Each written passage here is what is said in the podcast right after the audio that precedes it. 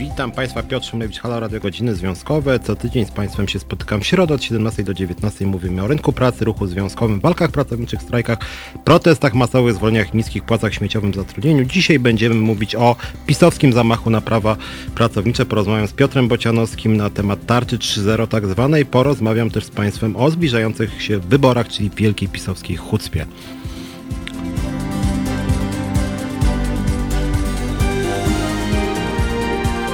Halo Radio.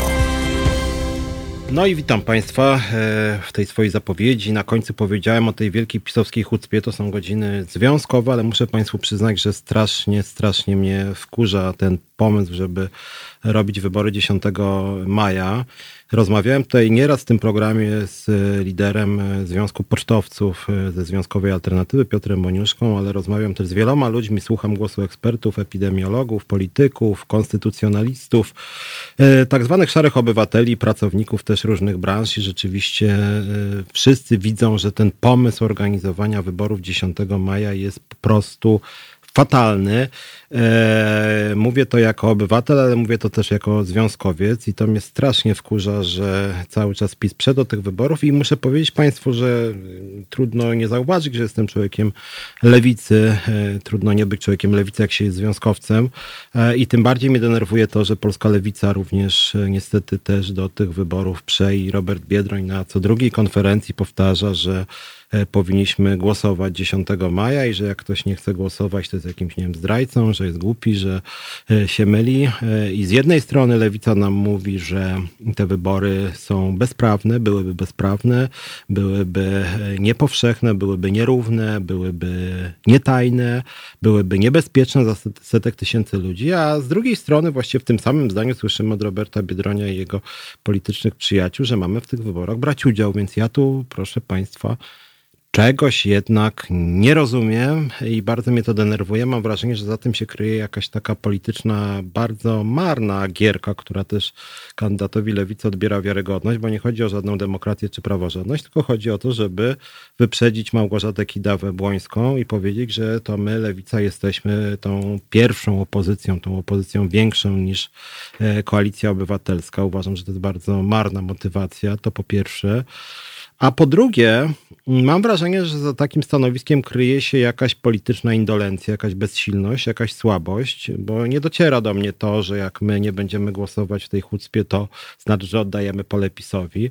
Po prostu jesteśmy konsekwentni. Jeżeli ja słucham moich związkowców z poczty, którzy mówią, że to nie byłyby bezpieczne wybory, nie byłyby demokratyczne, nie byłyby tajne, nie byłyby uczciwe, wielu ludzi nie mogłoby w ogóle brać udziału w tych wyborach, a z drugiej strony na przykład, jeżeli pod danym adresem mieszkałoby 7 osób i jedna osoba wzięłaby wszystkie te karty, to, e, to mogłaby po prostu oddać 7 głosów i e, ustawa nie przewiduje grafologa w komisji wyborczej, który będzie sprawdzał. W związku z tym, jeżeli na przykład w jednej rodzinie jedna osoba jest zapisem albo za PO, i odbierze akurat ze skrzynki 7 kompletów, to po prostu je wypełni i co? I podpisze Jan Kowalski, Małgorzata Kowalska, Henryk Kowalski. Kto będzie sprawdzał, czy to jest nieprawda? No całkowicie jest to jest to podatne na manipulację i oczywiście bardzo łatwo można tego typu też karty sprzedawać. Można na nich robić biznes.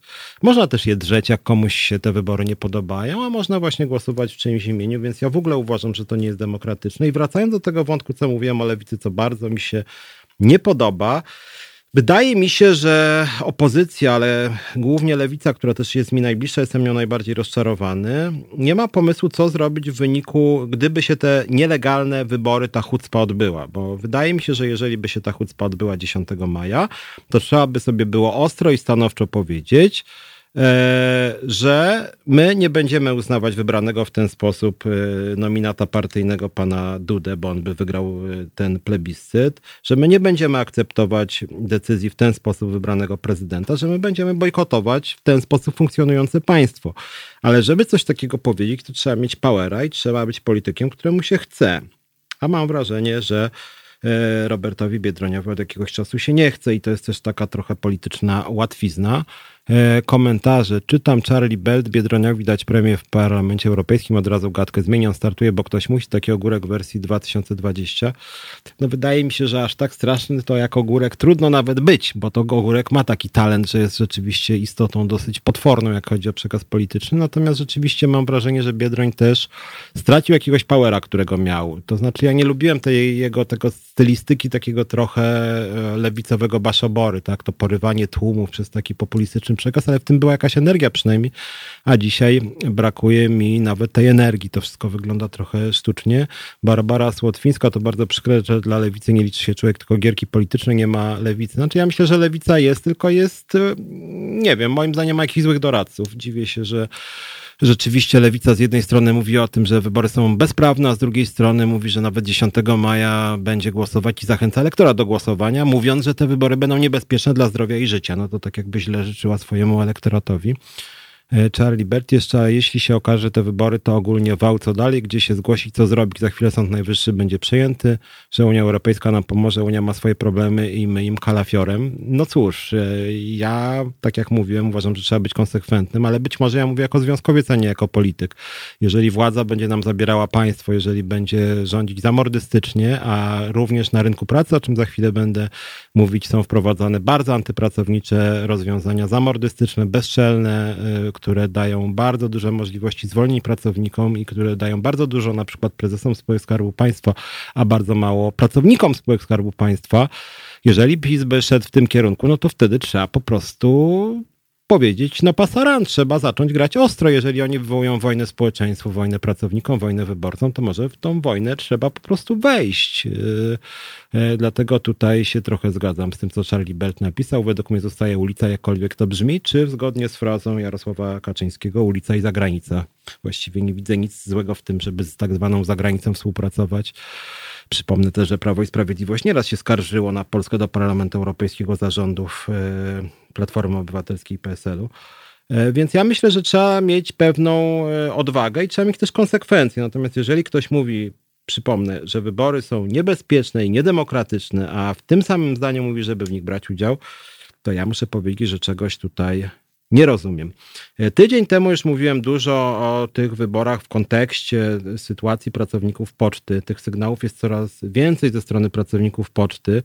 E, obecnie wygląda na to, że w ustawie, którą PiS przekazał do Senatu, jest właściwie głosowanie tak zwane tradycyjne, że trzeba po prostu że trzeba po prostu e, przekazać e, ten komplet wyborczy każdemu obywatelowi, również obywatelowi na kwarantannie, czy obywatelowi z koronawirusem. Więc to jest właściwie obecna sytuacja prawna. PiS mówi, że on, że on narzuci co innego. Już słyszę, że jakieś karty w ogóle są drukowane i to jeszcze na zlecenie pana Sasina, czy ostatnio słuchać też było pana Kamińskiego, więc to w ogóle jest jakaś samowolka, to Sasin powinien z prywatnych pieniędzy za to płacić, jeżeli on sobie drukuje bez ustawy.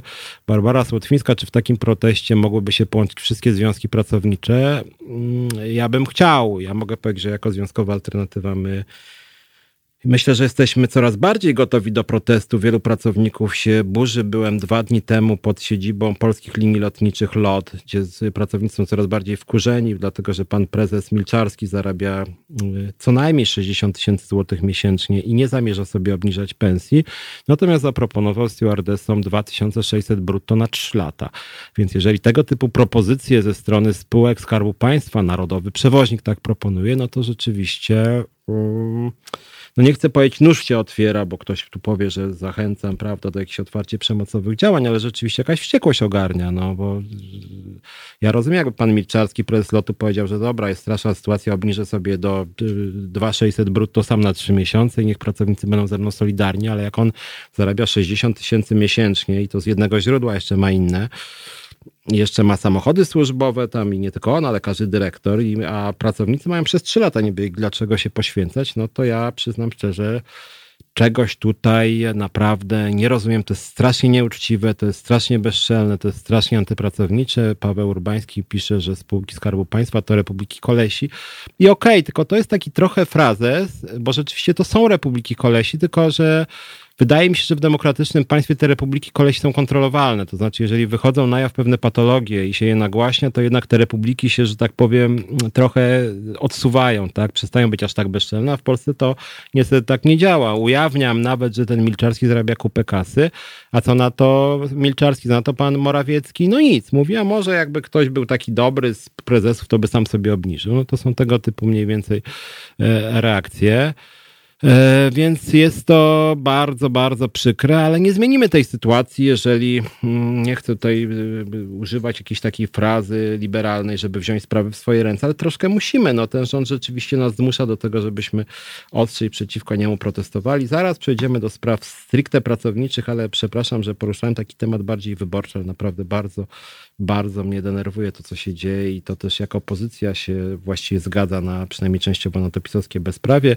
E, króciutka przerwa. Joe Cocker. E, po przerwie rozmawiamy o prawach pracowniczych. Pamiętajcie Państwo, za 3-4 minuty wracamy i mogą Państwo dzwonić 20 2 390 59 22. Mogą Państwo też pisać teraz małpa.halo.radio też na YouTube i Facebooku.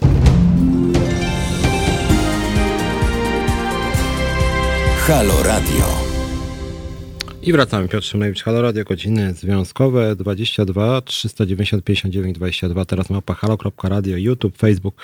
Piszcie, komentujcie, a też wspomagajcie nas finansowo, bo na waszych datkach się opieramy i dzięki wam e, istniejemy. Mówiłem w pierwszej części o wyborach. E, od razu chciałbym dla państwa jasny sygnał wysłać, że moim zdaniem kwestie pracownicze i kwestie no, tych rozwiązań autorytarnych PiSu są bezpośrednio ze sobą splecione. E, dlatego że między innymi od jakiegoś czasu staram się Państwu pokazać, że na przykład rozwiązania na poczcie wprowadzone przez pisowski zarząd, nowego też prezesa, który się wywodzi z Ministerstwa Obrony Narodowej, są też bardzo, bardzo antypracownicze i szkodliwe dla pracowników poczty, są dla nich niebezpieczne, e, narażają ich na zarażenie koronawirusem. Właściwie pracownicy poczty stają się takim mięsem armatnim dla obecnej władzy, więc warto o tym pamiętać. Dużo jest tutaj od Państwa dzisiaj głosów, z czego się oczywiście bardzo cieszę. Dry, high, się siłą najwyższą są sami obywatele, Unia jest dla obywateli, rząd polski jest dla obywateli nieodwrotnie, ale większość głosuje teraz na PiS, bo nie są świadomi konsekwencji rządów PiS. Znaczy ja generalnie w tej pierwszej części programu starałem się Państwu powiedzieć, że i to jest taki apel też mój do opozycji, szczególnie tej opozycji lewicowej, że ja mam wrażenie, że oczywiście polskie społeczeństwo jest dosyć bierne, mm, mało aktywne, mało dynamiczne, mało jest protestów i mało jest strajków, ale jest potrzebna jakaś zachęta. Posłowie i posłanki to są tacy ludzie, którzy dla wielu osób jednak są autorytetami i mam wrażenie, że część polskiego społeczeństwa też czeka, żebyście państwo, drodzy politycy, dali sygnał, że jesteście odważni, że, że rzeczywiście wasze protesty to nie są tylko protesty w Sejmie i nie jesteście tam tylko po to, żeby nagrywać króciutkie filmiki, wrzucać je na Facebooka i Twittera, tylko też jesteście gotowi do jakichś dalej idących działań, do jakiegoś bardziej aktywnego oporu władzy, który może być dla was też ryzykowny, bo władza może się na was chcieć zemścić, no ale my jako związkowcy czekamy i liczymy na was. Na razie jesteśmy trochę rozczarowani, bo jeżeli wspieracie naszych pracowników poczta, pół godziny później mówicie, że jednak mamy brać udział w wyborach, chociaż nasi pocztowcy mówią, że to nie jest najlepszy pomysł, no to konsekwencji tutaj nie widać. E, Andrzej Mroczkowski, nie jesteśmy z kosmosu, nasz kraj leży gdzie leży i wyodrębnienie ze wspólnoty nie przyniesie nam niczego dobrego. No na pewno, znaczy ja uważam, że nie ma co się wstydzić i Unia Europejska, no jesteśmy częścią Unii Europejskiej, więc y, we współpracy z naszymi partnerami z Unii też mamy prawo krytykować PiS. Są frakcje w Unii Europejskiej, są socjaliści, chadecy, komuniści, zieloni, E, w związku z tym, no, to jest chyba naturalne, że się rozmawia z różnymi partnerami. Ole, Saturnus, czy my jesteśmy teraz państwem autorytarnym czy gangsterskim? No chyba trochę takim, trochę takim. No te ostatnie działania dotyczące wyborów ze strony PiSu i to, co oni wyprawiają i wcześniej z Trybunałem Konstytucyjnym i później z Sądem Najwyższym i z prokuraturą i z policją e, i z sądami powszechnymi, no to to jest takie trochę państwo, na, na pewno państwa autorytarne, a to, co teraz się dzieje przy okazji wyborów, to już bym się chyba, no chyba już bym zgodził się, że częściowo państwo gangsterskie, bo to są jakieś takie, taka mieszanka gangsterstwa y, trochę, trochę w sensie gangu Olsena, tak? Bo to poza tym, że straszne, to jest trochę śmieszne, aż z tymi pakietami wyborczymi, które gdzieś są drukowane przez jakąś niemiecką firmę, zanim się ustawę przyjmie, one gdzieś już tam krążą i gdzieś tam są sortowane. To jest przecież totalnie niepoważne i później jeszcze widzimy, jak to w TVP pan Rachoń pokazuje, jak się głosuje, że się wrzuca karteczkę do koperty, podpisuje się i się, i się daje do skrzynki, której nikt nie kontroluje, nikt nie sprawdza, kto to podpisał. No po prostu groteska. Oni chyba uważają, że społeczeństwo jest na tyle głupie, że to kupi. No mam nadzieję, że społeczeństwo aż tak głupie nie jest. Charlie Belt, e, poprzedni kryzys, e, wówczas byłem w Wielkiej Brytanii, tamtejszy rząd obniża VAT, by pobudzić gospodarkę, co robi Tusk podnosi. Taka jest różnica, im się wydaje, że dowalić i kasa się zapełnia. Nie chcę porównywać obecnego rządu do rządu Tuska. Mm, metody walki z kryzysem akurat są odrobinę podobne, jeśli chodzi o rok 2008-2012, dlatego że rząd Platformy i PSR-u rzeczywiście też e, liberalizował rynek pracy, pogarszał sytuację pracowników i paradoksalnie Platforma robi teraz robi teraz trochę podobnie. E, e, PiS, PiS robi teraz trochę podobnie. To są też rozwiązania antypracownicze. Niech Państwo zwrócą uwagę, że kolejne pakiety, kolejne tarcze antykryzysowe są skierowane na pracodawców. Nie ma pakietów na pracowników, nie ma zwiększenia stabilności zatrudnienia. Natomiast wracając e, do naszych spraw e, pracowniczych i dlaczego ja mówię, że ten rząd jest bardzo antypracowniczy. Mówiłem sporo o pracownikach poczty, więc nie chcę póki co do tego wracać, ale Państwo pamiętają może, niestety ta pamięć ostatnio jest dosyć krótka, też PiS dosyć szybko działa. Ostatnio e, uruchomiono też postępowanie dyscyplinarne wobec pani prokurator Wrzosek, która ośmieliła się uruchomić postępowanie w sprawie w sprawie właśnie uruchomienia tych wyborów korespondencyjnych, że one jej zdaniem być może są nielegalne. Ona uruchomiła postępowanie, czyli nie wskazała, że ktoś tu jest przestępcą, tylko po prostu uruchomiła postępowanie. Po trzech godzinach postępowanie zostało zamknięte dosyć brutalnie na zlecenie najprawdopodobniej po prostu pana nadkomisarza Ziobry, ministra sprawiedliwości, a pani Wrzosek została, że tak powiem, objęta postępowaniem dyscyplinarnym, więc może być podobnie jak sędzia Juszczyszyn, no może mieć bardzo poważne kłopoty, może stracić pracę, może stracić dochód. To są też sprawy pracownicze, więc niech państwo pamiętają, że mm, za zamordyzmem bardzo często idzie łamanie praw pracowniczych więc y, o tym warto, warto pamiętać. Andrzej Mroczkowski, panie Piotrze, czy w tarczy 3.0 jest choć raz użyte określenie bezrobotny? Y, przyznam, że mam tą tarczę 3.0, w Google sobie nie wpisywałem bezrobot i nie pamiętam, czy tam to słowo się pojawia. Myślę, że szczerze powiedziawszy nie, ale y, więcej powiem. W tarczy, w żadnej z wersji tarczy nie ma tematu bezrobocia. O. Nie ma wsparcia dla osób bezrobotnych. Będę o tym dzisiaj mówić więcej w dalszej części programu i też z Piotrem Bocianowskim chciałem, chciałem porozmawiać o tym, jakie świadczenia przysługują osobom pozbawionym pracy, ale generalnie jest bardzo ciekawe to, że bezrobocie rośnie, a żadna z tarczyk rządu nie pomaga osobom pozbawionym pracy. Żadna w żadnym stopniu. Mówi się, że być może trochę zostanie podniesiony zasiłek dla bezrobotnych. Na razie nic takiego się nie dzieje. Są błyskawicznie uruchamiane różne wnioski dla przedsiębiorców, chociaż one są te wnioski tak przygotowywane, że ostatnio we Wrocławiu bodaj 400 ileś y, wniosków zostało odrzuconych, bo wszędzie znaleziono błędy formalne. No ale jakieś wnioski są. Jak chodzi o bezrobotnych, żadnych wniosków nie ma. Nie uruchamia się bezpośredniej pomocy dla osób pozbawionych pracy. Tutaj Charlie Belt napisał, że coś tam o tym, co to Rachoń robi pod biurkiem u Kurskiego, więc nie chcę może tego aż tak bardzo przytaczać. No ale jak to ma być metafora, że tak powiem, takich relacji brutalnej, że tak powiem, podległości i też podległości wobec władzy, to faktycznie no to faktycznie niestety tak jest. Andrzej Mroczkowski zasiłek w tej chwili wynosi 8894 zł brutto. Chyba się panu pomyliło, że 8894 to nie. On wynosi na rękę, e, tak, ma pan rację, 894 zł brutto, ten najwyższy. Ten najwyższy, czyli dla osób, które przepracowało, ile pamiętam, 20 lat ponad. Natomiast najwięcej osób to jest te, które są e, między 5 lat a 20 lat i to jest mniej więcej tam 100 zł mniej. Na rękę wychodzi 600-700 zł i warto warto pamiętać o tym, że to jest maksimum pół roku. I dlatego też 80, jeśli dobrze pamiętam, 6% osób pozbawionych pracy nie dostaje żadnego zasiłku od państwa, zasiłku dla bezrobotnych, więc większość osób bez pracy dotychczas nie miała żadnego zasiłku i na razie rząd no, nie chce tego zmienić, więc osoby pozbawione pracy, a nawet ostatnio pamiętam e, konferencja z panią minister pracy, e, pani minister powiedziała, że może być 2 miliony bezrobotnych, tak jak słyszałem, więc jeżeli z tych 2 milionów 86% nie miałoby prawa do zasiłku, to mielibyśmy milion mniej więcej 600-700 tysięcy osób, które nie mieliby żadnych dochodów, żadnych, to znaczy to byliby ludzie, którzy no może nie śmierć głodowa, ale niedaleko. To znaczy, nie wiem skąd, z czego oni mieliby się utrzymać. E, Adam Kowalczyk, nie będzie żadnej doktryny szoku, prędzej wywłaszczenie i nacjonalizacja, względnie sprzedaż na wschód. To znaczy z tą nacjonalizacją ja mam też pewien problem, bo część moich przyjaciół z lewicy mówi, że państwo teraz powinno nacjonalizować część zakładów właśnie tych prywatnych. Ja nie wiem, czy powinno. Ja mówię to jako człowiek lewicy, bo bo to jest tak, jak, jak firma prywatna przynosiła gigantyczne zyski, to pracodawca brał do kieszeni. Jak przynosi gigantyczne straty, to nagle ma państwo przejmować i rozumiem dopłacać. Nie wiem, czy to jest takie lewicowe bardzo, żeby państwo, no właśnie nacjonalizacja strat, prywatyzacja zysków, nacjonalizacja strat. Właściwie konsekwentnie chciałoby się powiedzieć. Była prosperita, mało się dzieliliście, jest yy, kryzys, no to teraz walczcie sobie z kryzysem.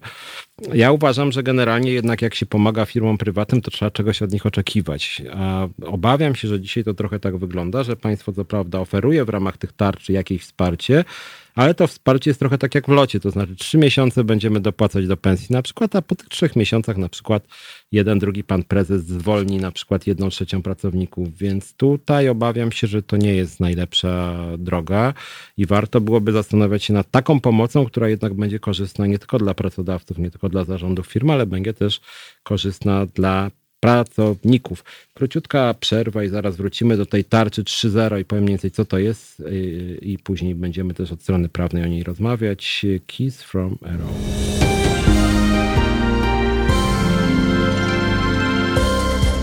Halo Radio. Pierwsze medium obywatelskie.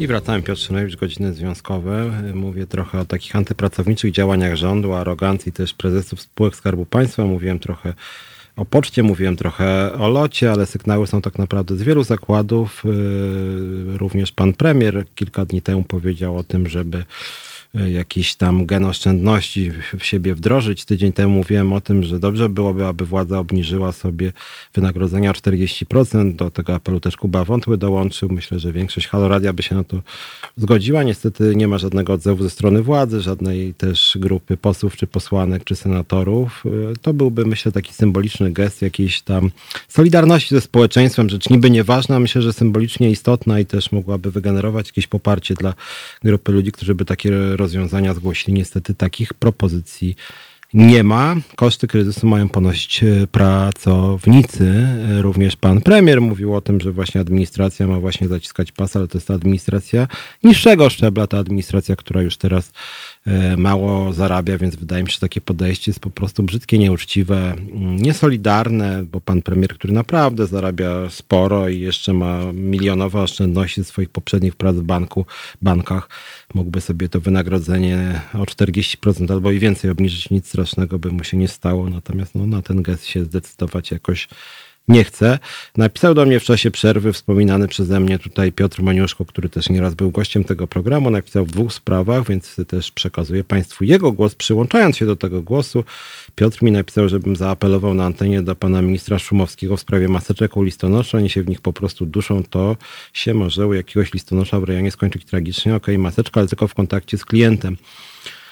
E, wydaje mi się, że w ogóle jest jakiś problem ze standardami e, BHP, nie ma tej logiki, nie ma konsekwencji. Piotr mówił tutaj też na antenie, że tego sprzętu dla pracowników poczty jest po prostu za mało, więc e, a słyszymy, że maseczki powinny być zmieniane co 20 minut, żeby dobrze działały. No więc jeżeli byśmy konsekwentnie słuchali naszego, naszych różnych ekspertów, no to co 20 minut maseczka. Jeżeli byśmy pracowali na dworze i byśmy musieli załatwiać różne sprawy, no to tak z 15 maseczek dziennie, takich jednorazowych, to jest kwota idąca w tysiące złotych miesięcznie, czyli więcej niż wynosi pensja przeciętnego listonosza, czy już dzisiaj też na przykład stewardesy, więc wtedy generalnie w ogóle by nie było z czego żyć. I druga kwestia, którą Piotr też mi przekazał, to jest petycja y, dotycząca represji na poczcie. Tam chodzi o kilka spraw, ale ja chciałbym też w imieniu Piotra powiedzieć, chodzi między innymi o to, że Piotr, o czym była tutaj część audycji, ale Państwu przypominam, poczta wpadła na taki pomysł, żeby Piotra wyeksmitować z domu w trakcie epidemii. Dali mu czas do 30 kwietnia do godziny 11.30, żeby wyniósł się z domu razem z 12-letnim synem, bo wynajmuje od wielu lat mieszkanie od poczty komercyjnej, płaci czynsz, ale poczta uznała, że jednak trzeba z niegrzecznym, nieposłusznym związkowcem coś zrobić, zagrozić mu jakoś, zaszantażować mu i to są właśnie te standardy spółek Skarbu Państwa. Moim zdaniem bardzo bulwersujące, też y, nawiązując do tego, co Państwo tu piszecie mi. Y, Charlie Belt, prezes NBP mówił, że mamy tyle kasy, że aż na niemiecką stronę się przesypuje. Niemcy te złotówki z pychem muszą do, do sami przepychać. Pytanie, gdzie ta kasa? Znaczy ja myślę, że to są jakieś takie dosyć głupie, prymitywne wypowiedzi. Jak chodzi o tą niemiecką kasę i polską, no to niedawno słyszeliśmy, że prezes lotu kupi Kondora, a teraz chyba bliżej jest operacji w drugą stronę, tak? Bo to lot nie ma podobno pieniędzy, a Kondor akurat je ma. Andrzej Mroczkowski, pan premier, ministrowie i posłowie zapominają, że są naszymi pracownikami, więc skoro pracownicy ponoszą koszty epidemii, kryzysu, to może przypomnieć, by sobie zechcieli słówko Solidarność. No więc ja generalnie też się do tego apelu przyłączam i muszę powiedzieć, że tego nie rozumiem trochę, bo to byłby taki prosty gest zrozumiały dla społeczeństwa, który, e, który dałby pewnie władzy jakieś tam poparcie, a władza mimo to nie chce zrezygnować z, zrezygnować z jakiegoś takiego no, ograniczenia swoich różnych przywilejów.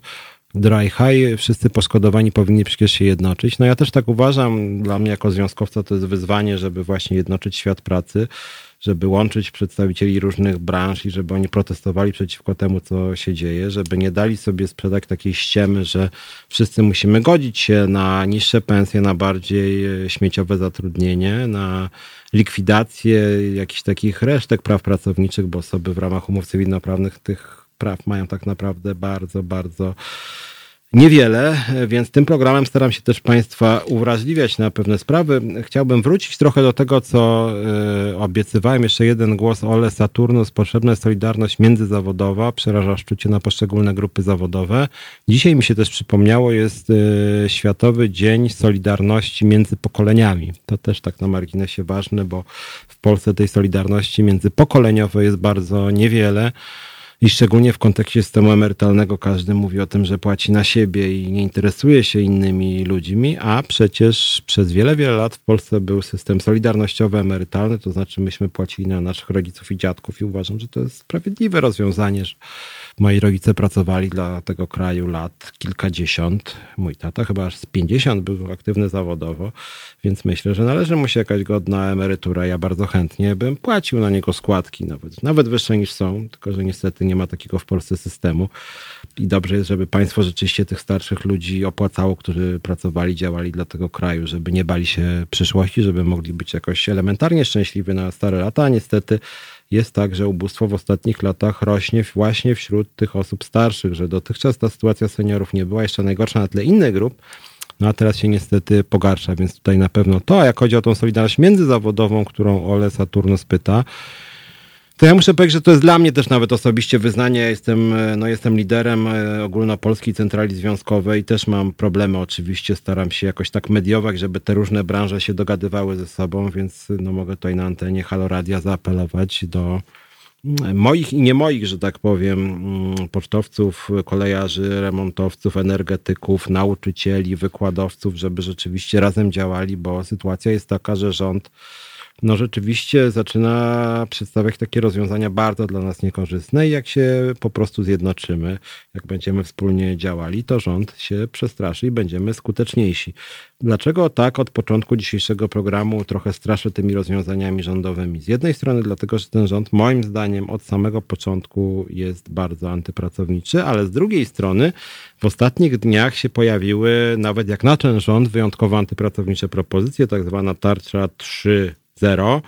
E, jakoś to się najpierw trochę przebiło do mediów, jak to PiS najpierw przygotował dla siebie, jakiś tam dziennikarz zaprzyjaźniony się do tego dostał i dopiero później, e, później propozycja została przekazana opozycji, czy związkom zawodowym, czy pracodawcom.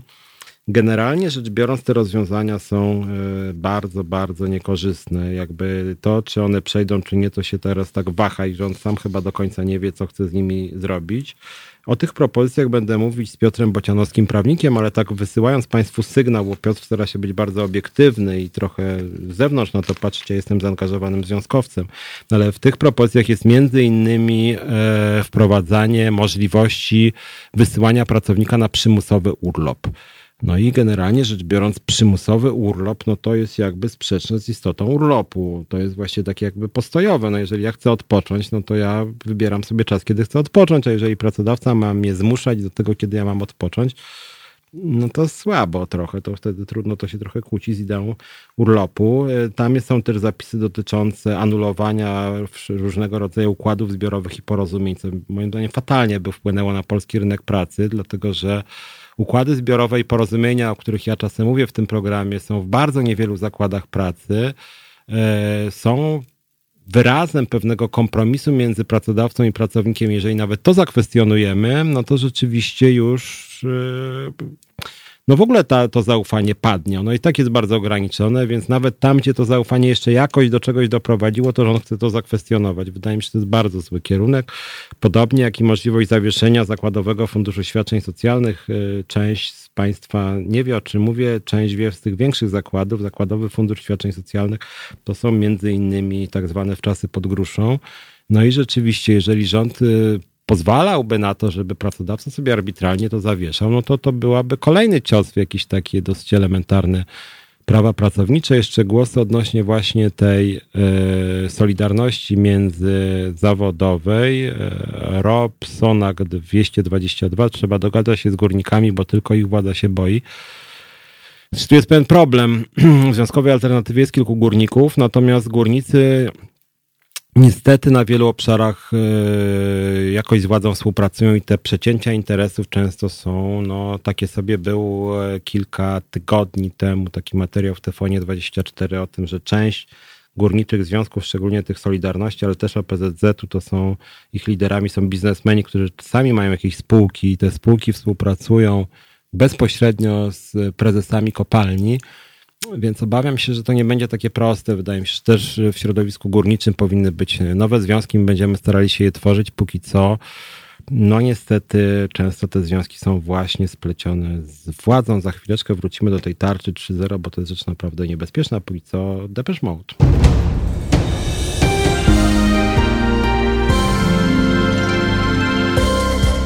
Halo Radio. Pierwsze medium obywatelskie.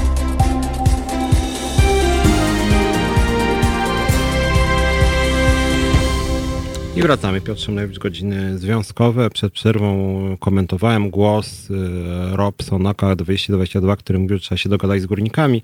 E, generalnie wydaje mi się, że wyzwaniem w tym kryzysie dla związków zawodowych jest to, żeby wnieść jakąś nową jakość. Zacząłem ten program dzisiejszy od tego, że być może jeżeli PiS będzie no dalej wprowadzał takie antydemokratyczne rozwiązania i antypracownicze, to trzeba by jakichś ostry, ostrzejszych form działania. Ulica i zagranica, czy strajki, czy protesty, demonstracje, blokady instytucji.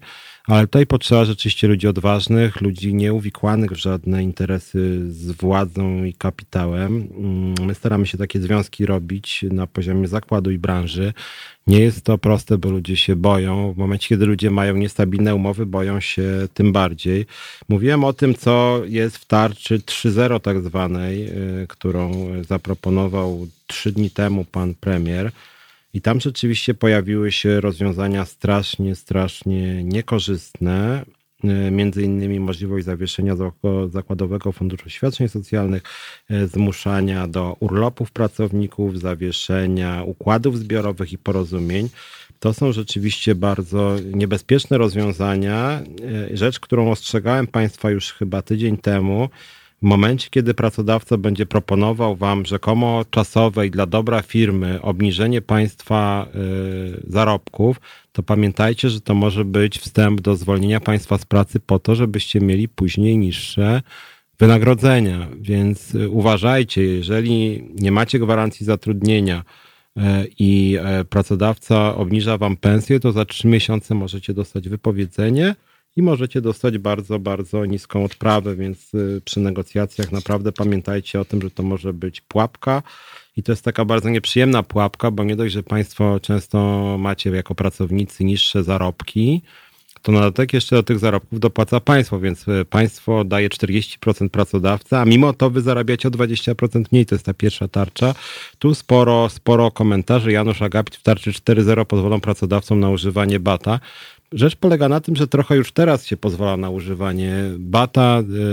Yy, Związek Zawodowy, Związkowa Alternatywa, którego jestem przewodniczącym, mocno się interesuje i zajmuje e, kwestią mobbingu, problematyką mobbingu i zachęcam Państwa, żeby też w tej sprawie dzwonili. Była tutaj ze mną z dwa, trzy, trzy razy już prawniczka, która też tą kwestią się interesuje. I niestety mobbing jest w Polsce strasznie rozpowszechniony, ludzie są zastraszeni, boją się o tym mówić, więc rzeczywiście ten bat tak naprawdę już jest i bardzo często ludzie niestety są z tym batem e, oswojeni. Jeszcze nie chciałbym tutaj lekceważyć waszych głosów, więc tak yy, przeglądam Ole Saturnus. Chodzi mi o to, że tak łatwo ulega się podważaniu istotnego znaczenia poszczególnych grup zawodowych. Władza to sprytnie wykorzystuje. Czy dokładnie tak? E, dla mnie takim szczególnie brutalnym przykładem lekceważenia, e, nazwijmy to wartości czy statusu ważnych zawodów jest zawód pracownika socjalnego. Rozmawiałem Bodaj nawet y, wczoraj z Pawłem Maczyńskim, przewodniczącym Związku Zawodowego Pracowników Socjalnych, który też był dwa razy bodaj w tym programie. I to jest taki zawód, który jest strasznie pogardzany przez obecną władzę, strasznie źle opłacany. Dzisiaj to jest zawód też bardzo, nazwijmy to, niebezpieczny dla zdrowia, w tym sensie, no, że też łatwo się zarazić koronawirusem, a to są pracownicy socjalni, też to są ludzie, którzy bardzo często są no, z różnymi tak zwanymi trudnymi klientami. Często są w domach, w których jest przemoc, często są, dzieci są nie wiem, narkotyki, alkohol, agresja. E, ci pracownicy socjalni żadnej ochrony nie mają. E, jak, jak coś się dzieje, to mają wzywać po prostu policję. A mimo to zarabiają często 2600 brutto płacę minimalną, 3 brutto, więc generalnie płaca minimalna i troszkę więcej, więc jest naprawdę źle opłacane. E, I tutaj rzeczywiście Prawo i Sprawiedliwość, że tak powiem, aktywnie kwestionuje znaczenie tego zawodu. Są jeszcze pokrewne zawody, takie jak e, kurator sądowy. Nauczycieli ta władza też nie lubi rzeczywiście. W ogóle takich zawodów mam wrażenie humanistycznych. E, I rzeczywiście władza dosyć sprytnie to wykorzystuje. Ostatnio, no rzecz bardzo przykra i dosyć obrzydliwa, to jest e, też takie krytykowanie też części pracowników służby zdrowia. Ostatnio pojawił się też pomysł, żeby na pracę, dla pielęgniarkach wymuszać po prostu to, żeby pracowały non-stop w placówce wskazanej przez władzę. E, a dlaczego to jest złe? No złe to jest z tego względu oczywiście, że nie można pra pracowników traktować jako niewolników, ale z drugiej strony cały ten kryzys ten koronawirus pokazał, jak źle dotychczas funkcjonowała służba zdrowia. Nie z winy pielęgniarek czy lekarzy, ale z winy rządzących, którzy tak to sobie poukładali. Skoro w Polsce dotychczas było tak, że duża część pracowników służby zdrowia pracowało w ramach umów niestandardowych, w ramach umów śmieciowych, w ramach samozatrudnienia czy umów zleceń, no to jak mamy się dziwić, a i oczywiście nisko opłacanych, to jak mamy się dziwić, że na przykład pielęgniarka pracowała w czterech szpitalach? Po pierwsze wolno jej było, po drugie w jednym szpitalu zarabiała mało, po trzecie, wręcz szpitale wymuszały taką formę zatrudnienia na niej. Teraz nagle się okazuje, że minister Szymowski mówi, że to straszne, bo dzięki temu jest koronawirusa łatwiej przenieść. No tak, no łatwiej jest przenieść oczywiście, tylko trzeba było może o tym myśleć wcześniej, bo przecież w szpitalach zakaźnych to nie tylko koronawirus jest groźny, tam jakby jak sama nazwa wskazuje, zakaźnych chorób jest dużo. Ja się dziwię, że rzeczywiście pracownicy służby zdrowia biegają od szpitala do szpitala. Jeżeli system jest taki, że pracownicy służby zdrowia są źle opłacani, są w ramach umów cywilnoprawnych, to może zmieńmy system. Niech pracownicy służby zdrowia mają wyłącznie etaty i żadnych innych umów y, nie i niech będą opłacani na przykład dwa razy lepiej niż dzisiaj i niech rzeczywiście pracują wyłącznie w jednej placówce. Jestem w pełni za. Tylko, że z drugiej strony, i to jest problem nie tylko tego rządu, pracowników służby zdrowia w Polsce jest bardzo mało. W związku z tym, jeżeli będą tylko w jednym szpitalu, to nagle się okaże, że część placówek medycznych po prostu przestanie funkcjonować. Więc, więc ja się w pełni zgadzam co do tego podważania istotnego znaczenia poszczególnych grup zawodowych, natomiast problem też polega na tym, no, że nie ma takiej polityki, która by jakoś, jakoś e, te zawody strukturalnie dowartościowała na zasadzie wyższych pensji, bardziej stabilnych, e, bardziej stabilnych umów. Depa, Tata i Morawiecki wyraźnie powiedział rano, cytuję, nie ma niekorzystnych zapisów dla pracowników tarczy 3.0. Znaczy ja takim optymistą, szczerze powiedziawszy, nie jestem, aczkolwiek przyglądałem się tej tarczy i dostałem tą jej pierwotną wersję, właśnie dokument o tej tarczy 3.0 i tam było bardzo dużo niekorzystnych zapisów. Ona tak wyciekła do różnych partnerów społecznych, w zasadzie trochę plotki. E, wkurzyły się wszystkie organizacje prawie związkowe. I nagle pan premier Morawiecki właśnie powiedział, że, że to tam nie ma żadnych niekorzystnych rozwiązań, a wydaje mi się, że to było takie badanie terenu trochę, to znaczy pojawiło się mnóstwo niekorzystnych rozwiązań. E, i związki zareagowały krytycznie, w tym Związkowa Alternatywa bardzo krytycznie i teraz premier będzie sądował, co jednak w jakiejś wersji możemy wprowadzić i prawdopodobnie teraz zakulisowe trwają rozmowy z Solidarnością czy OPZZ-em, głównie z Solidarnością, bo to jest bezpośrednie zaplecze rządu. I zobaczycie Państwo, że część tych propozycji wróci i wrócą one, wydaje mi się, w najbardziej zdegenerowanej formie, to znaczy będzie na przykład możliwość wymuszania urlopów, ale wtedy, kiedy związki na takie wymuszenie urlopów się zgodzą. Więc w takiej wersji, która też bardzo zepsuje wizerunek związków e, zawodowych. Charlie Belt, y, wirus pokazał jedno, kolejki mogą być krótsze, nagle się okazało, że receptę można na telefon wystawić, nie trzeba kolejek wydłużać. Nie wiem, czy to jest dobry argument, dlatego że po prostu wielu pacjentów nie może dzisiaj do lekarza trafić. I mam osobiście nawet tego typu doświadczenia, że starsi schorowani ludzie niestety nie mogą liczyć na pomoc, czy to odnośnie rehabilitacji, czy odnośnie chorób skórnych, czy odnośnie problemów z sercem. I to są rzeczy rzeczywiście niebezpieczne i uważam, że jednak e, no, coś złego się dzieje, że ta służba zdrowia poza koronawirus, koronawirusem też przestała działać. Janusz Agapit, kompletnie zniszczyliśmy to z pracy. Każdy pracujący powinien móc godnie żyć. Jeśli pensja starcza tylko na wegetację, to jak można szanować pracę? No generalnie zgoda, oczywiście powinny być wyższe płace, bardziej stabilne zatrudnienie i w ogóle większy szacunek dla pracy całego społeczeństwa. Krótka przerwa i za chwilę wracamy porozmawiać z Piotrem Bocianowskim o prawach pracowniczych. Chciałem dzisiaj szczególnie o osobach pozbawionych pracy i o tym, czy mogą Państwo liczyć za e, wyższe wynagrodzenie za nadgodziny, a teraz Chick.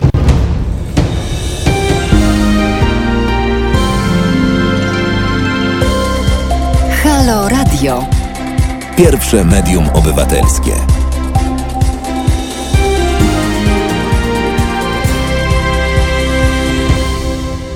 I jesteśmy. Piotr Szymlewicz, godziny związkowe Halo Radio. Jest ze mną prawnik Piotr Bocianowski, z którym no, od kilku tygodni omawiamy kolejne propozycje władzy. Witaj Piotrze.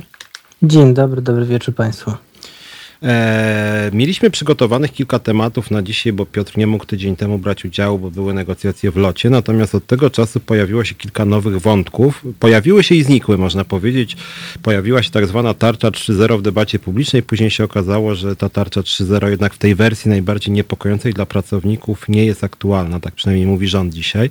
Ale chciałem chwilę, e, chwilę się ciebie spytać o te propozycje tam zawarte. Czy mimo wszystko nie powinniśmy się czegoś bać? Czy przypadkiem nie jest tak, że jednak te rozwiązania, które no, oburzenie wywołały w środowisku pracowniczym, już dzisiaj nie mogą funkcjonować i z którymi pracownicy pewnie się e, spotykają. Pierwsza rzecz, która tak oburzyła, e, oburzyła pracowników, to jest hasłowo zwalnianie mailem. Czy na bazie dzisiejszego prawa, jeżeli pracodawca mi, no to jest często praca zdalna, dostanę mailem e, zwolnienie, to czy ono będzie ważne i czy coś tutaj rzeczywiście e, może się zmienić, czy tej, tej tarczy coś takiego było? Czy, czy, czy już dzisiaj mogę się czegoś takiego spodziewać, krótko mówiąc, jak zwolnienie mailem? Czy to będzie legalne? To znaczy, to jest dobre pytanie i tu pierwsze trzeba zrobić jedno zasadnicze zastrzeżenie. Bo tarcza wprowadzała, tarcza 3.0 wprowadzała propozycję rozwiązania mailem bez zachowania formy elektronicznej, czyli bez konieczności stosowania podpisu elektronicznego. Mhm. Więc to była ta nowość, e, z której się wycofano.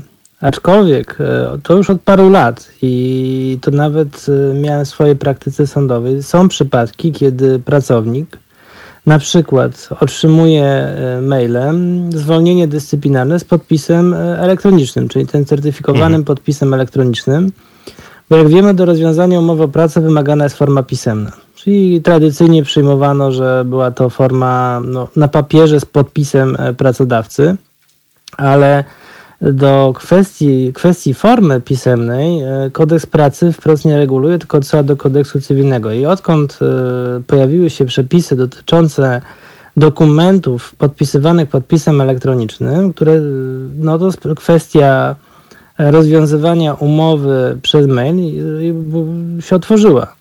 Dlatego, że dokument zaopatrzony w podpis elektroniczny, ten certyfikowany, jest uznawany za ekwiwalentny z formą pisemną.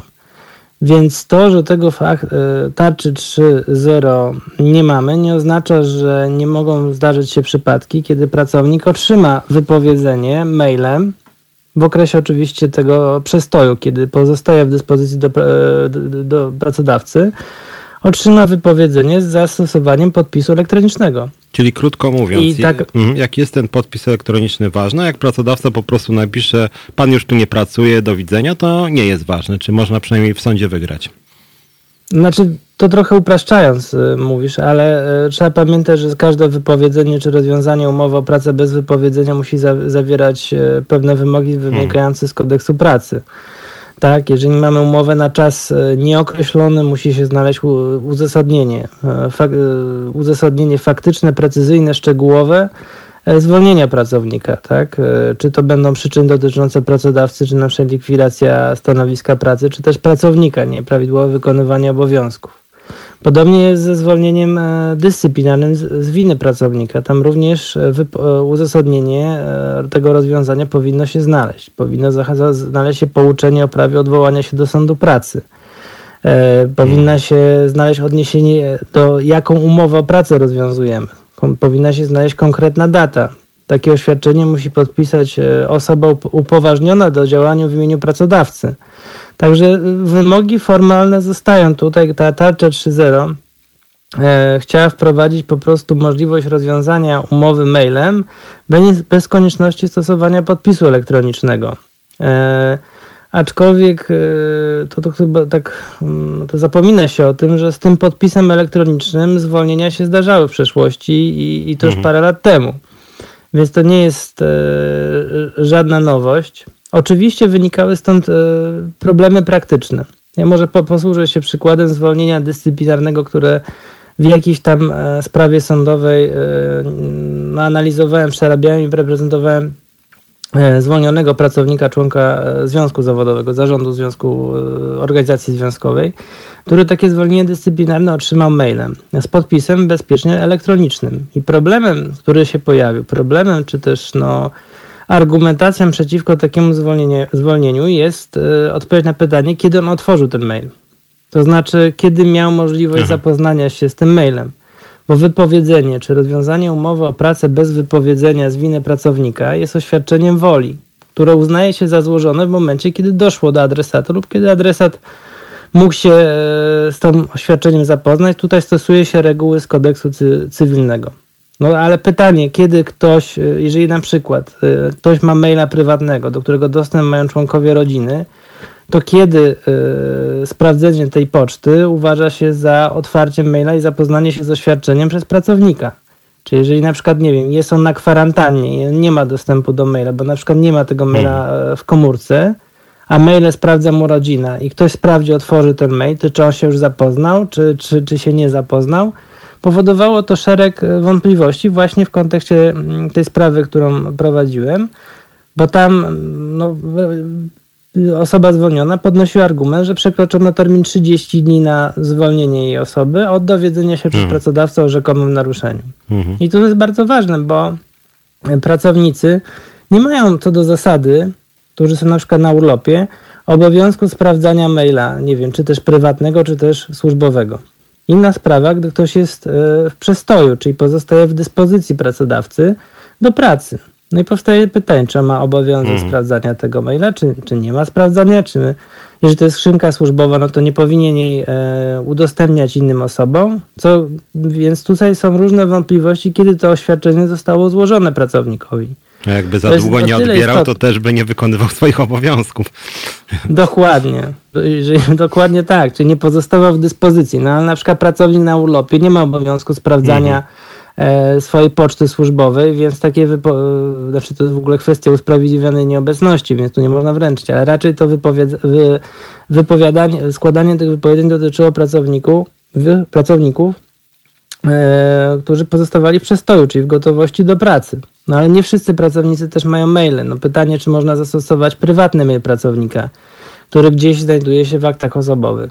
Mhm. Tych wątpliwości było sporo, wycofano się z tego pomysłu, może i dobrze, bo mm, jednak e, stosowanie tego podpisu elektronicznego wymaga zachowania pewnej formy i zachowania e, i zachowania pewności, że osoba, która się podpisuje pod tym, działa w imieniu pracodawcy. to, to wymagało pewne, pewne, pewne, pewne zachowanie pewnych wymogów formalnych oczywiście powodowało wiele wątpliwości, o których wspominałem, czyli nie wiadomo tak naprawdę kiedy, kto, kiedy ktoś odebrał.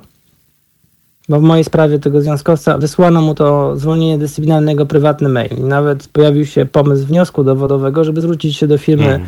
no nie wiem czy mogę powiedzieć, tej, tej która ma wyszukiwarkę, o informację, e, kiedy on otworzył. No, no wyobraźmy sobie w, w realiach praktyki sądowej, że ta firma powiedzmy z, ze Stanów Zjednoczonych e, odpowiada po kilku miesiącach, że akurat jedna osoba z iluś tam miliardów, które posiadają e-maile e, w tej firmie, to akurat w tym dniu, w tej sekundzie otworzyła tego maila. Mhm. Więc to było troszeczkę, to narzędzie powinno być stosowane z ostrożnością, bo później może być pojawić się problem z udowodnieniem, czy ktoś faktycznie się zapoznał z tym oświadczeniem i czy to oświadczenie rzeczywiście było złożone. No bo skoro się nie zapoznał, no to nie było to złożone skutecznie i de, de facto takie oświadczenie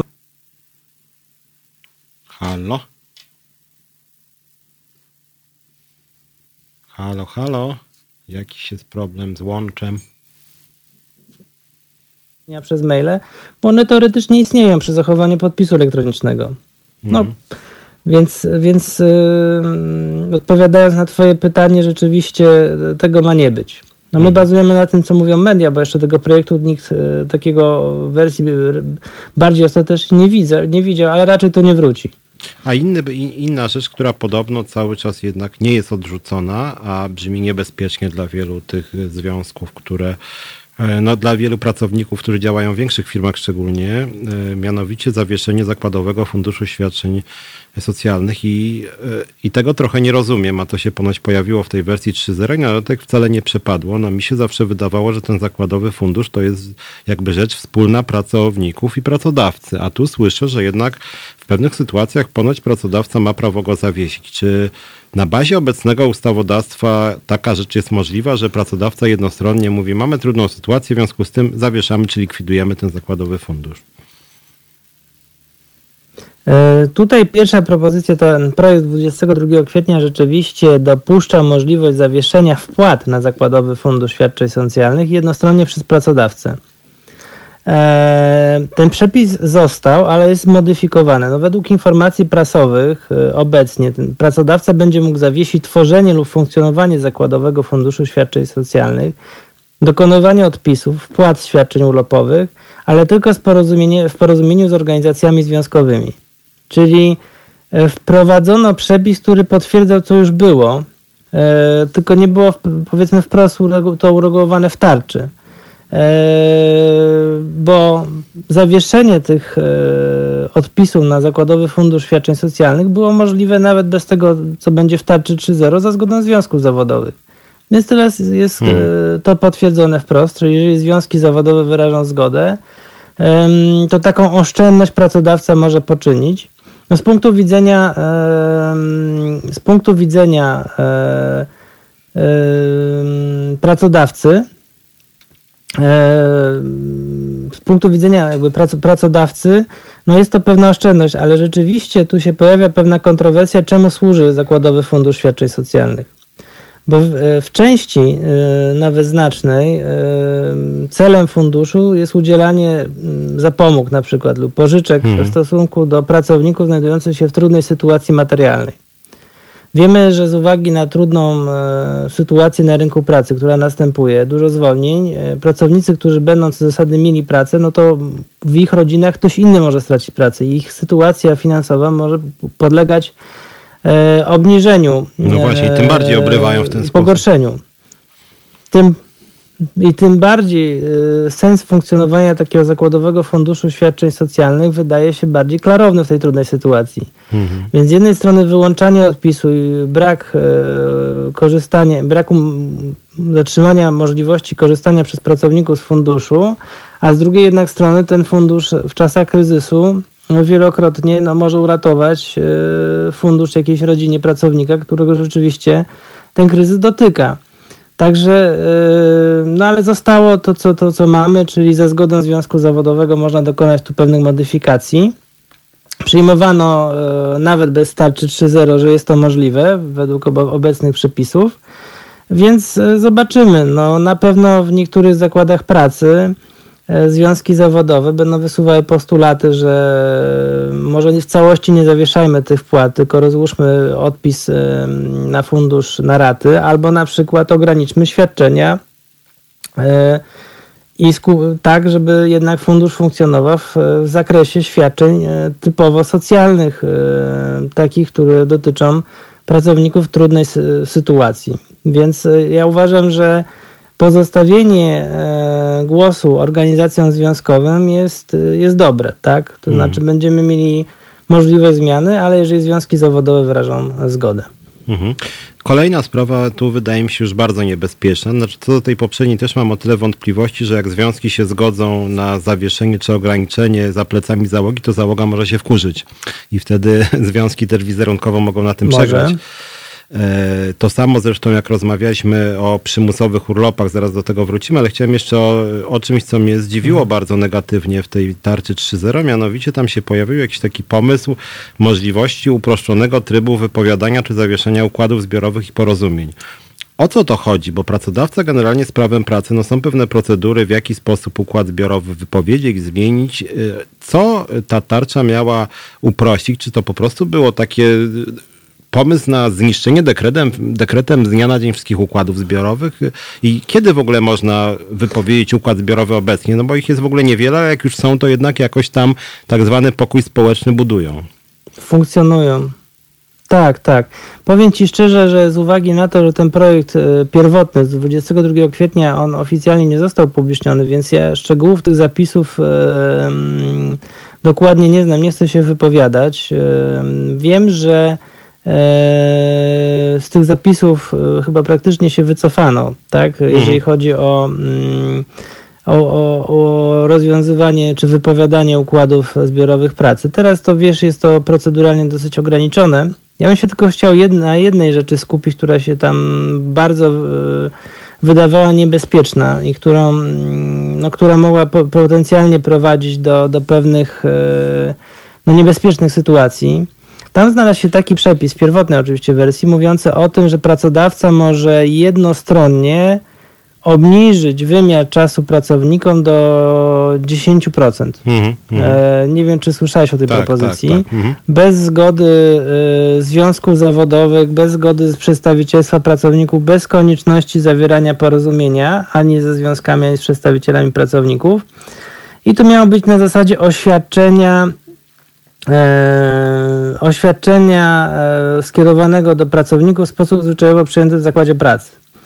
Czyli takie jednostronne zmienianie regulaminu wynagradzania, zmienianie e, wynagrodzeń zasadniczych z umów o pracy, czyli taki powiedzmy zmiana indywidualnych warunków pracy i płacy poprzez obwieszczenie. Z tego się wycofano. Hmm, hmm. Była argumentacja pracodawców, że no pozwoliłoby to na łatwe obniżki, e, ale no pod, że tak powiem, no naciskiem. No pod e, argumentacją związków zawodowych się z tego wycofano i, i tego nie będzie.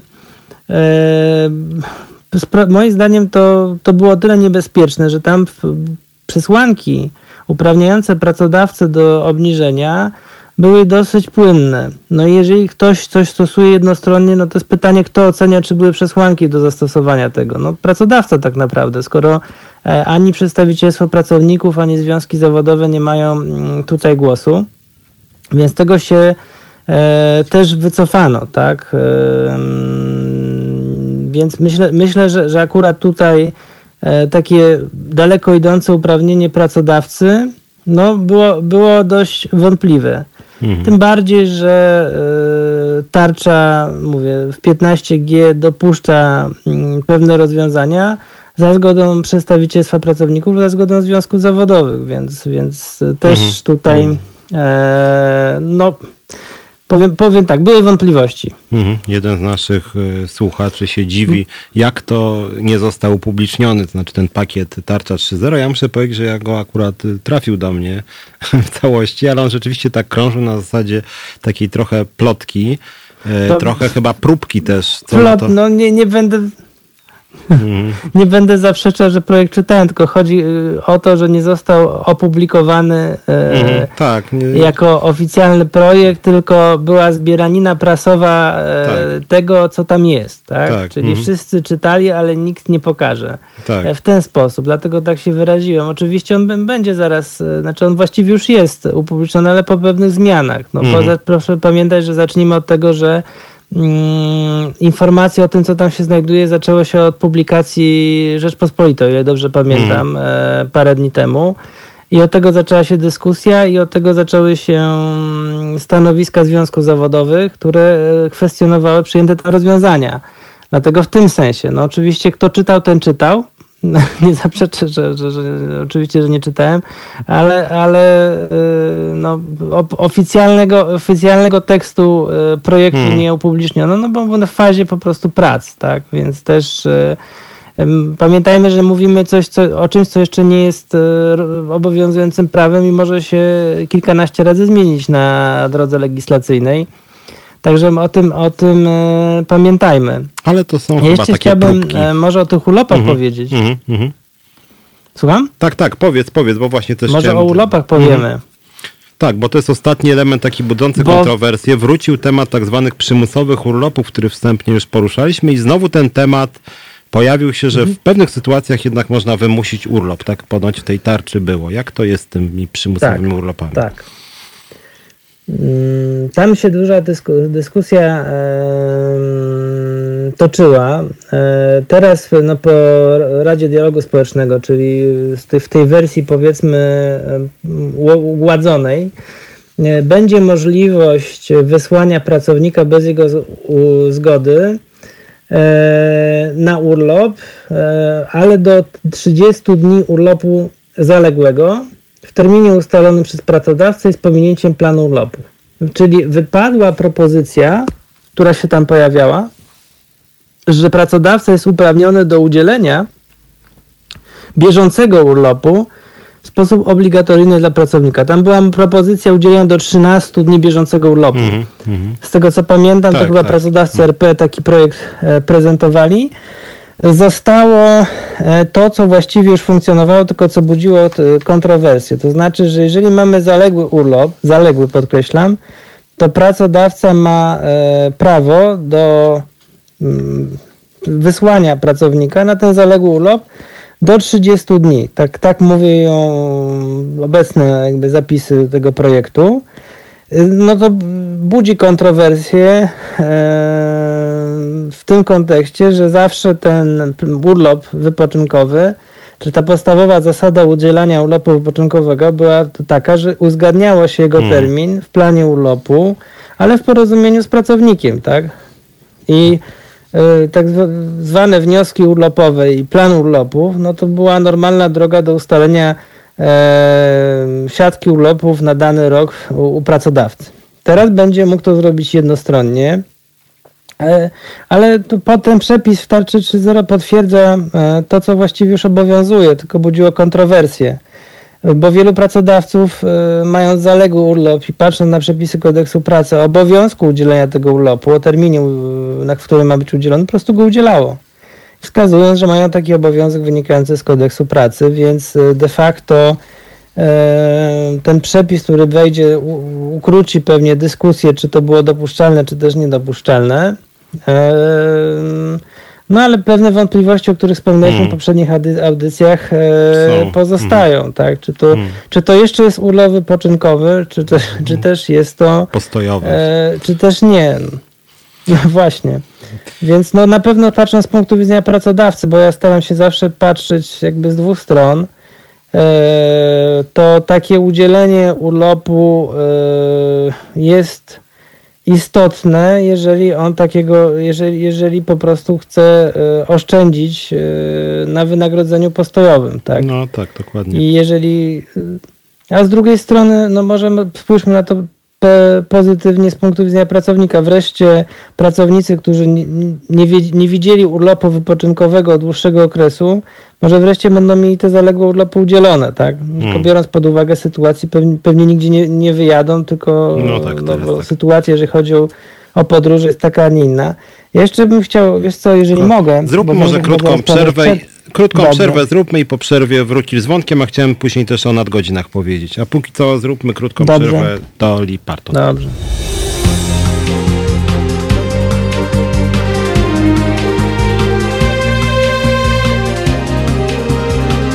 Halo Radio. I wracamy. Piotr Szymlewicz, godziny związkowe w Halo Radio. Mną Piotr Bocianowski, prawnik, z którym tu razem rozmawiamy o różnych sprawach związanych z różnymi tarczami antykryzysowymi. To są rzeczy naprawdę ważne dla pracowników. Jak interpretować różne decyzje pracodawcy. E, Piotrze, przed przerwą chciałeś jeszcze jeden e, wątek Tak. dodać do tego, co mówiliśmy. Kończyliśmy na przymusowych urlopach.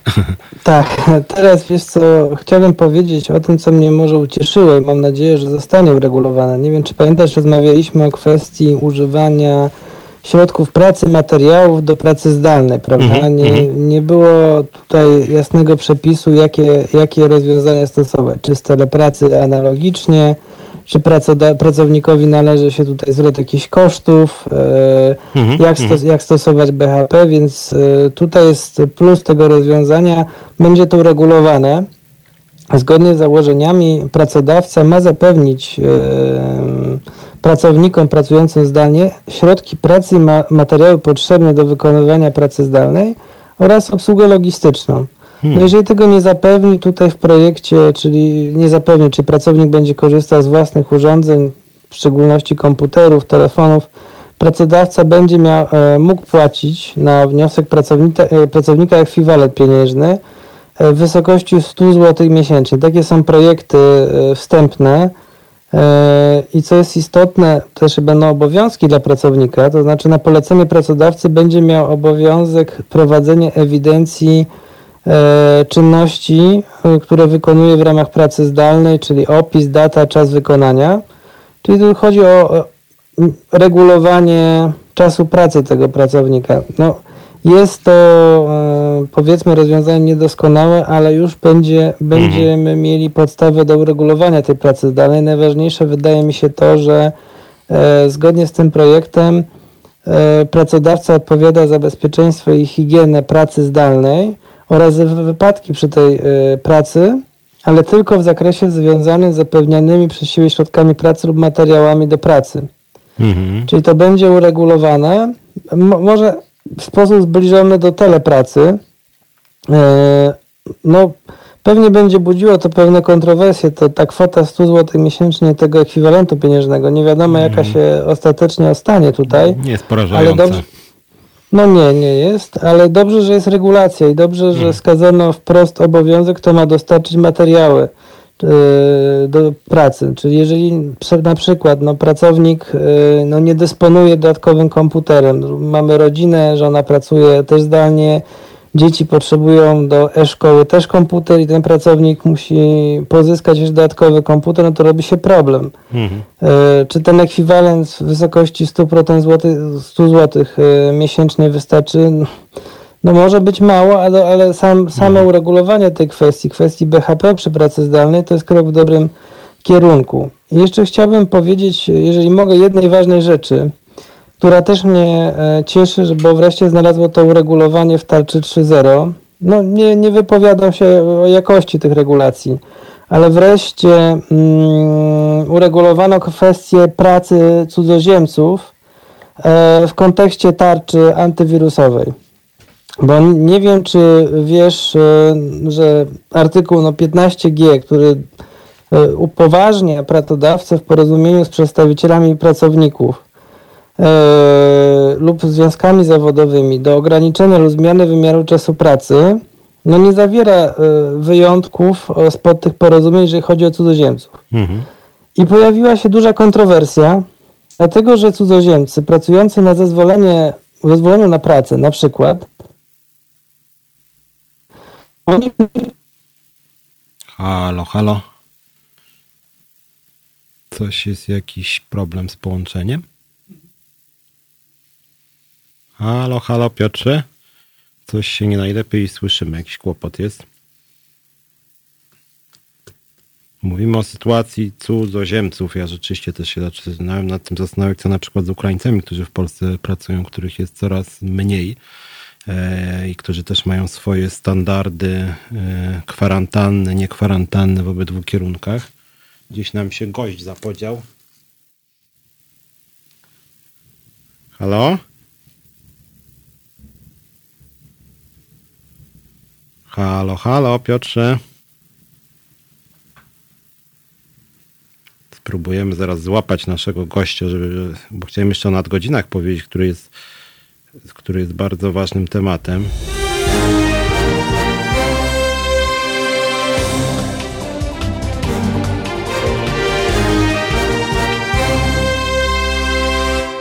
I wracamy. Słyszysz mnie, Piotrze?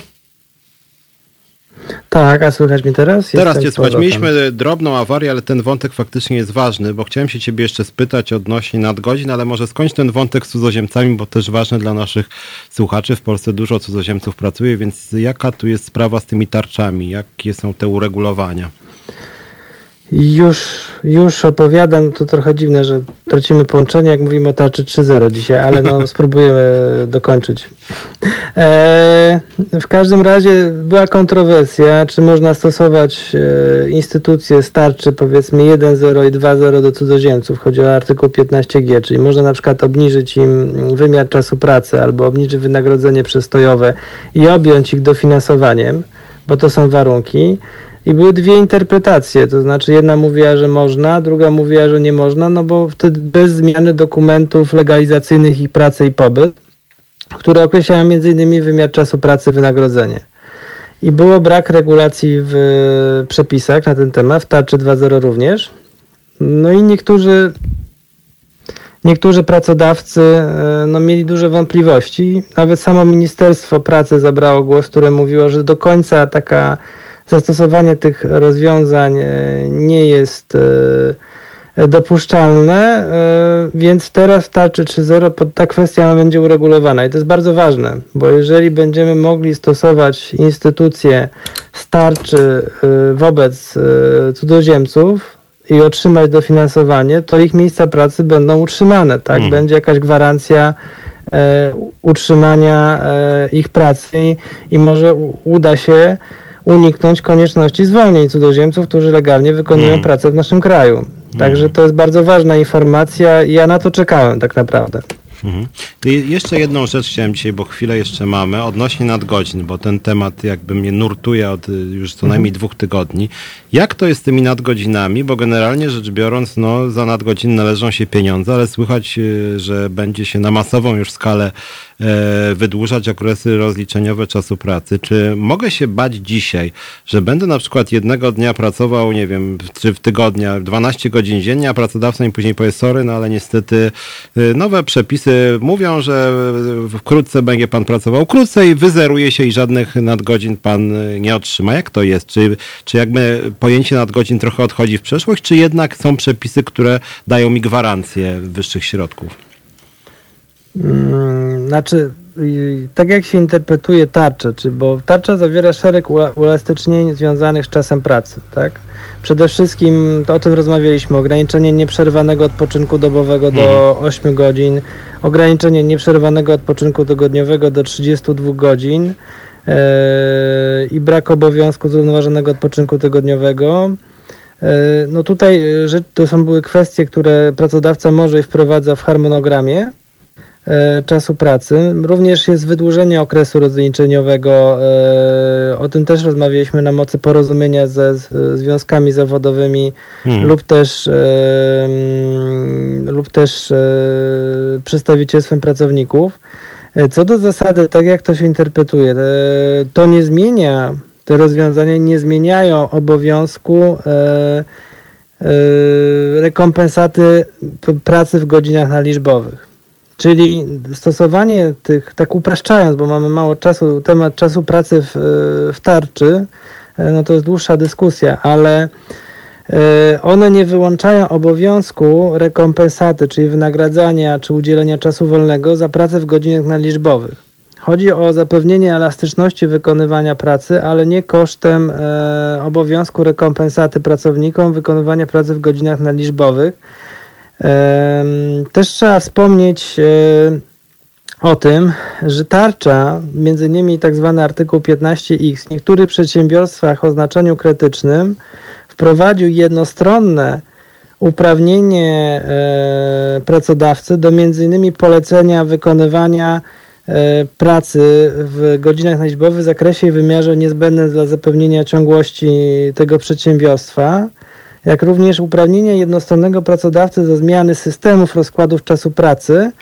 I co jest ciekawe, bo tarcza 2.0 rozszerzyła te możliwości, e, dodatkowe uprawnienia, ale też rozszerzyła podmioty, które są E, uznawane za tak zwane przedsiębiorstwa e, no, jakby te krytyczne. Między innymi będą to przedsiębiorstwa prowadzone działalność polegającą na świadczeniu czynności bankowych, a także przedsiębiorcy prowadzący działalność w sektorze rolno-spożywczym związaną z wytwarzaniem i dostarczaniem żywności. I to już wprowadziła tarcza 2.0, mhm. E, te pewne uprawnienia.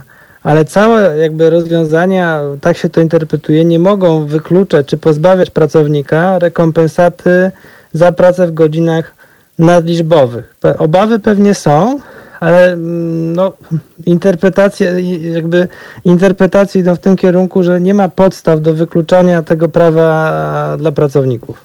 Mhm. No dobra, nic, musimy kończyć. Jeszcze jeden głos od naszego słuchacza, Charlie Belta, w której tarczy nastąpi obniżka zarobków czołowych gęb TVP, Obajtków, Kryże, Sasinów, Suskich innych tłustych kotów. Co ta władza dała sama od siebie? I tu obawiam się jednym zdaniem, że chyba nie ma żadnych takich przepisów, która jakby obniżałaby wynagrodzenia tym osobom najlepiej zarabiającym czy prezesom spółek. To jest y, bardzo szeroki problem i szerokie pytanie. Chyba w, w sekundę się na, do, na nie, nie, nie odpowiemy. Ja myślę, że e, to może odpowiadając, e, tak jak to w niektórych spółkach prywatnych, tak je nazwijmy, sam zarząd może wyjść z inicjatywą obniżenia swoich pensji lub też rezygnacji z premii celem ratowania przedsiębiorstwa lub celem dania e, przykładu pracownikom, że partycypują w skutkach kryzysu. To hmm. może, to może tak odpowiadają. Chciałoby się, żeby któryś się na to zdecydował. Dobra, dziękuję Ci Piotrze. Myślę, że za tydzień lub dwa jeszcze porozmawiamy sobie, bo nie omówiliśmy jeszcze kwestii zasiłków dla bezrobotnych i na co oni mogą liczyć, więc może za tydzień do tego wrócimy. A pewnie za tydzień już będzie tarcza 4.0, 5.0, a może nawet 7.0, e, więc bardzo Ci Piotrze za dzisiaj dziękuję. To, to, to ja, dziękuję, ja, dziękuję. Dzięki tarczy mamy powód porozmawiać. Dziękuję i wszystkiego dobrego. Dzięki, do widzenia za tydzień. Się słyszymy i widzimy. Dzień dobry, nazywam się Kuba Wątły. Jestem pomysłodawcą projektu Haloradia, pierwszego w Polsce w pełni profesjonalnego medium dla obywateli. Dla niektórych z Państwa jestem też ojcem dyrektorem, chyba dlatego, że czasami udzielam się w naszych programach nagle i z zaskoczenia. I dobrze, wszak dobre toruńskie wzorce są zawsze w cenie. No, poza tym jednym. Pan Rydzyk gromadzi pieniądze, by nas dzielić i z czasem doprowadzić do wojny domowej na tle religijnym. My prosimy natomiast Państwa o wsparcie, by móc z Wami rozmawiać, by wspólnie się uczyć, by tolerancję zastąpiła akceptacja. Zauważyliście, jak różne są te dwa słowa? Akceptujmy siebie i akceptujmy to, że po 30 latach, od 1989 roku, tylko dzięki państwu możemy tworzyć medium bez udziału polityków i nie na pasku korporacji. Pamiętajcie o nas codziennie. Jeśli chcecie być częścią naszej społeczności, to słuchajcie, oglądajcie, piszcie, mówcie i finansujcie swój obywatelski projekt Halo Radia. www.halo.radio ukośnik SOS. Dziękuję w imieniu wszystkich dziennikarzy i swoim własnym.